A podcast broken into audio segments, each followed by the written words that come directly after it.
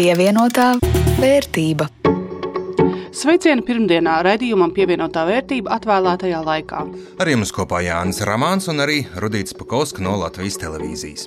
Šodien par naudu, kredītiem un kā uzņēmumiem piesaistīt naudu savai izaugsmai laikā, kad kredīta procentu likmes aug, aizņemties bankā paliek dārgāk un neizdevīgāk.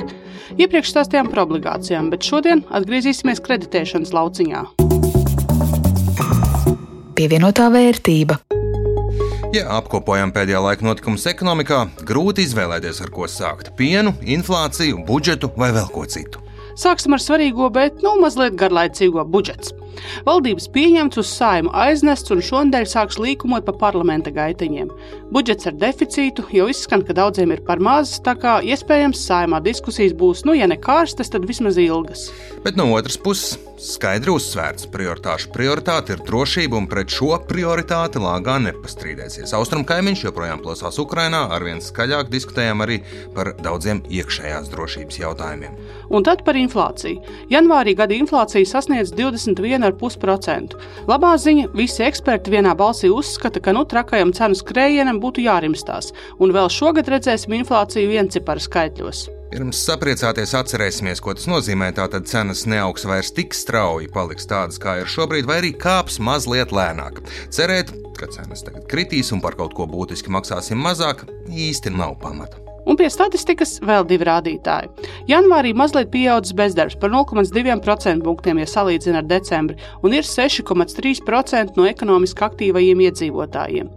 Bet apkopojot pērn gadu izsniegtās būvatļaujas privātmājām, to skaits sarucis salīdzinot ar 2021. gadu par 3,7%, bet pieteiktā platība par 5,1%.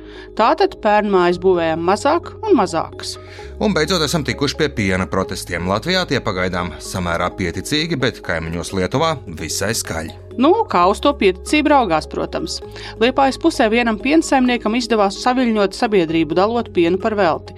Apmēram tūkstots cilvēku atnāca pēc piena. Un mērķis, lai sabiedrība diskutē par piecenojumiem piena ražošanas ķēdē, šķiet ir panākts. Es gan atļaušos piesardzīgi prognozēt, ka, ja zemkopības ministrija neizdomās kādu palīdzēšanas schēmu, mēs redzēsim vēl protestus.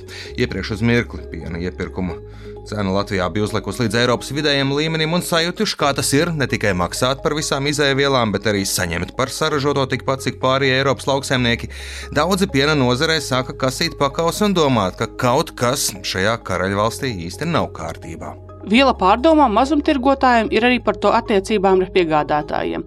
Konkurences padome izplatījusi paziņojumu, kur tā visai korekti norāda, ka problēmas maztirdzniecības ķēdē attiecībās starp tirgotājiem un piegādātājiem ir. Sodu gan nekādu nav, bet nu ir aicinājums izvērtēt riskus. Un starp rindiņām tirgotājiem būtu jānolasa. Mēs redzam, ka jūsu līgumi vietām nav godīgi un liek nesamērīgus riskus un izmaksas uzņemties ražotājiem. Bet dodam jums iespēju sakārtot savu pagalmu, izmantojiet to. Latvijā pārsvarā, ja uzņēmumam vajag naudu izaugsmai, tie tradicionāli meklē banku un kredītu. Pēdējos gados tas bija izdevīgi, tagad situācija mainās un kredīti paliek dārgāki. Kopumā Eiropas centrālā banka šobrīd jau vairākos soļos ir likmes pacēlus, un finanšu tirgus gaidas dotajā brīdī ir, ka tās likmes varētu augstāko punktu sasniegt kaut kur starp 3 un 3,5%.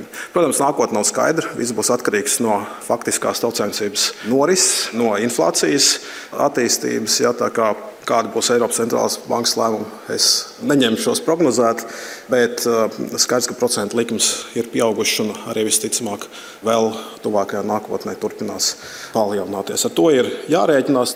Tā Latvijas Bankas monetārās politikas pārvaldes vadītājs Uldis Rutkas Latvijas kapitāla tirgus gadskārtējā formā izaugsmē patīk uzņēmīgie. Iezīmē skaidro un neskaidro nākotni kredītu jomā, bet līdzīgi kā esam jau vairāk kārt uzsvēruši raidījumā pievienotā vērtība, naudas lietās viss patiesībā ir relatīvs. Procentu likmēm ir divas komponentes. Viena ir cikliskā, sekojot ekonomikas ciklam, skaidrs, ka procentu likmes mainās. Ja inflācija pieaug, ekonomika ir ciešāka, darba tirgus ir ciešāks, tad procentu likmes parasti aug. Un, savukārt, ja ir bremzēšanās, recesija, tad procentu likmes krīt. Tas tā ir bijis, tas tā būs nākotnē.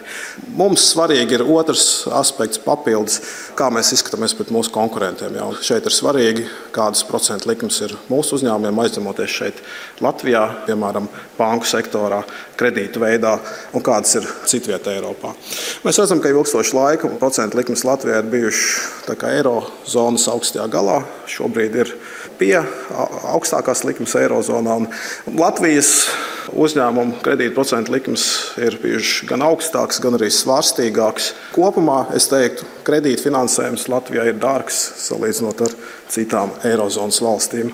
Un faktiski arī reaģējot uz pēdējā laika norisēm, krīzes, kara sākums Ukrajinā, mēs redzam, ka Komercbankas gan Eirozonā, bet arī Latvijā ir pastiprinājuši savus kredītu nosacījumus. Jo īpaši Latvijā mēs redzam, ka kopumā faktiski proporcionāli vairāk banku no aktīvajiem kredītētājiem ir ziņojuši, ka kredītu nosacījumi tiek pastiprināti. Bez tā, ka kredīti dārgi, realitāte ir tāda, ka bankas praktiski vēlas tikai sevi pierādījušas biznesus. Daļai uzņēmumu skrien pakaļ, Pārējos mm, tā nepārāk, atklāja Latvijas Tirzniecības un Rūpniecības kameras valdes priekšētājs Jānis Enziņš.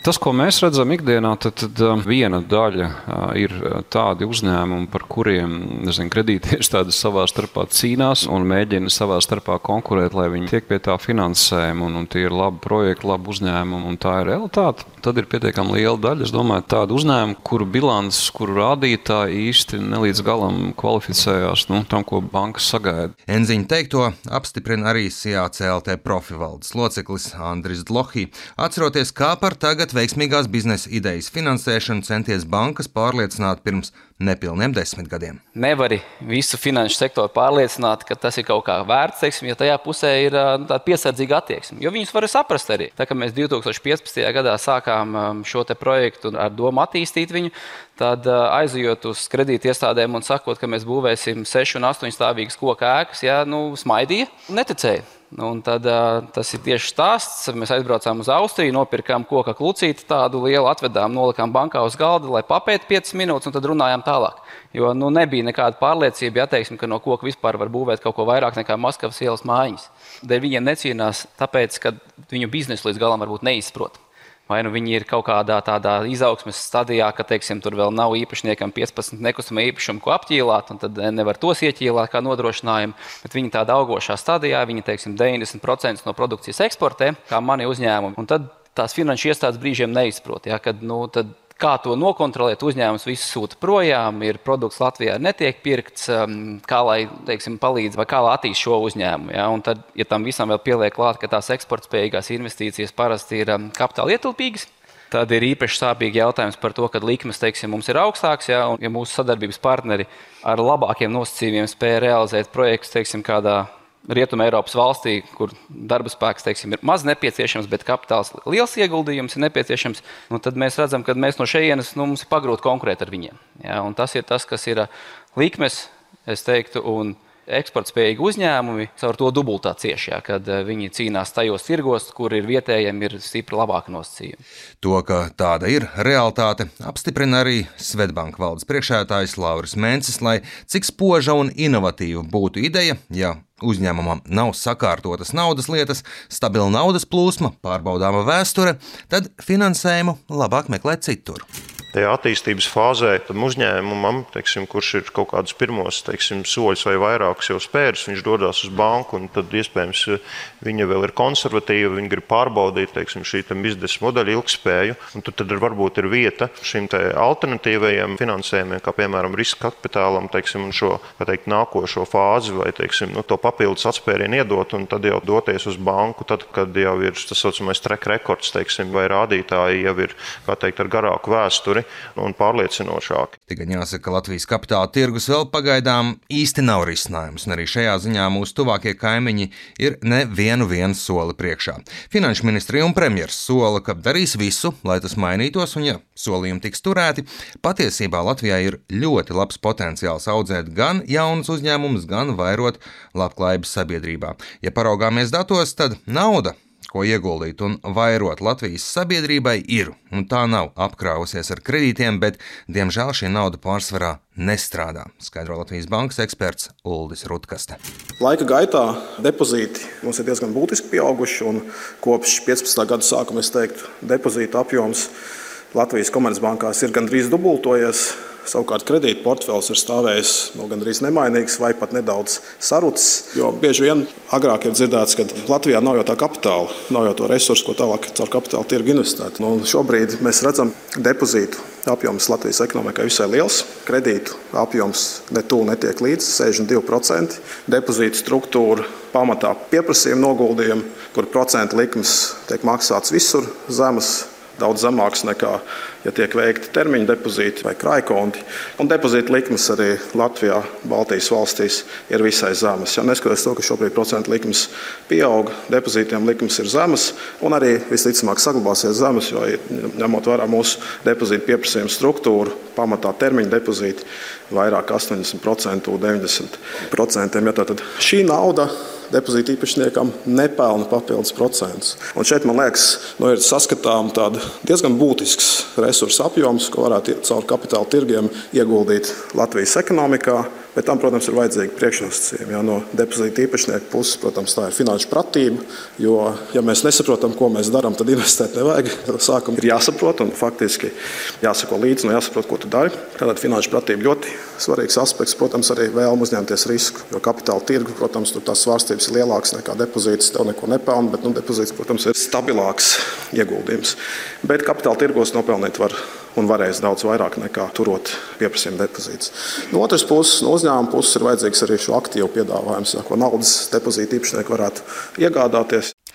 Galvenais secinājums ir jāpārstāj nauda aizņemties bankās, ja ir patiesa vēlme radīt jaunus un inovatīvus uzņēmumus. Tā vietā daudz lielāks uzsvers jāliek uz kapitāla tirgus attīstību. Par to jau ir runāts, domāts iepriekš, radīti dažādi plāni, mm, kā tad to Latvijā darīt, bet skaidrs, ka līdz šim, lai gan nodomi novērtēti atzinīgi pārsvarā gadījumu, rezultāts ir visai pieticīgs. Latvijas tirgus kapitalizācija ir tikai aptuveni 2% no iekšzemes koprodukta, nepieklājīgi zems rādītājs, ja salīdzinām ar vidējo Eiropā. Tur tirgus kapitalizācija ir 54% no iekšzemes koprodukta. Par attaisnojumu mums, protams, lielākā daļa Eiropas nedzīvoja laikā un telpā, kur kapitālisms bija kas slikts un nosodāms un pūstošs, taču, ja paskatāmies uz Igauniem, kuri gan dzīvoja, tur šis rādītājs ir 17% no iekšzemes koprodukta, un sabiedrībai no vārda privatizācija neuzmetas zosāda. Savā ziņā varam cerēt, ka nākotnē gaidāmā Latvijas energo un Latvijas valsts mežu kopu uzņēmuma, Latvijas vēja parka kotēšana biržā būs kā celmlaužs šai jomā un piemērs tam, kā caurspīdīgi un godīgi vairot visas sabiedrības labklājību, nevis rafinētāks process un privatizācijas process 90. gadu stilā. Pievienotā vērtība. Un noslēgumā Ielūkosimies, kas tad aizdītajā nedēļā noticis Baltijas biržā. Kāpums reģistrēts tikai Viļņā, liecina biržas informācija. Rīgas biržas indeks samazinājās par 0,77%, Tallinā vidējā temperatūra par procentu zemāka, bet Viļņā vienīgajiem 0,25% plusā nedēļas laikā. Atbilstoši tendencēm, mana ieguldījuma portfeļa vērtība ir pāris eiro mazāk nekā pirms nedēļas, šobrīd 480 eiro, bet kā tev rudīt, tev vajadzētu būt plusos, vai ne? Jā, man tiešām bija plusi. Portfeļa vērtība 473,5 eiro un vēl nepilni 2 eiro kontā. Salīdzinot ar iepriekšējo nedēļu, apmēram 4 eiro klāt. Tā kā jūti karsto elpu pakausī. Jā, varbūt man jāsāk darīt kādas stresainas muļķības. Ar to arī skan šīs nedēļas raidījums, pievienotā vērtība. To jums veidoja Jānis Rāmāns un Rudīts Pakauska no Latvijas televīzijas par skaņu rūpējās Renāts Šteimanis. Atgādinu, ka šo un iepriekšējos raidījumus var dzirdēt ne tikai radio ēterā, bet arī jūsu iecienītākajās raidierakstu straumēšanas vietās un arī Latvijas radio aplikācijā. Uz tikšanos!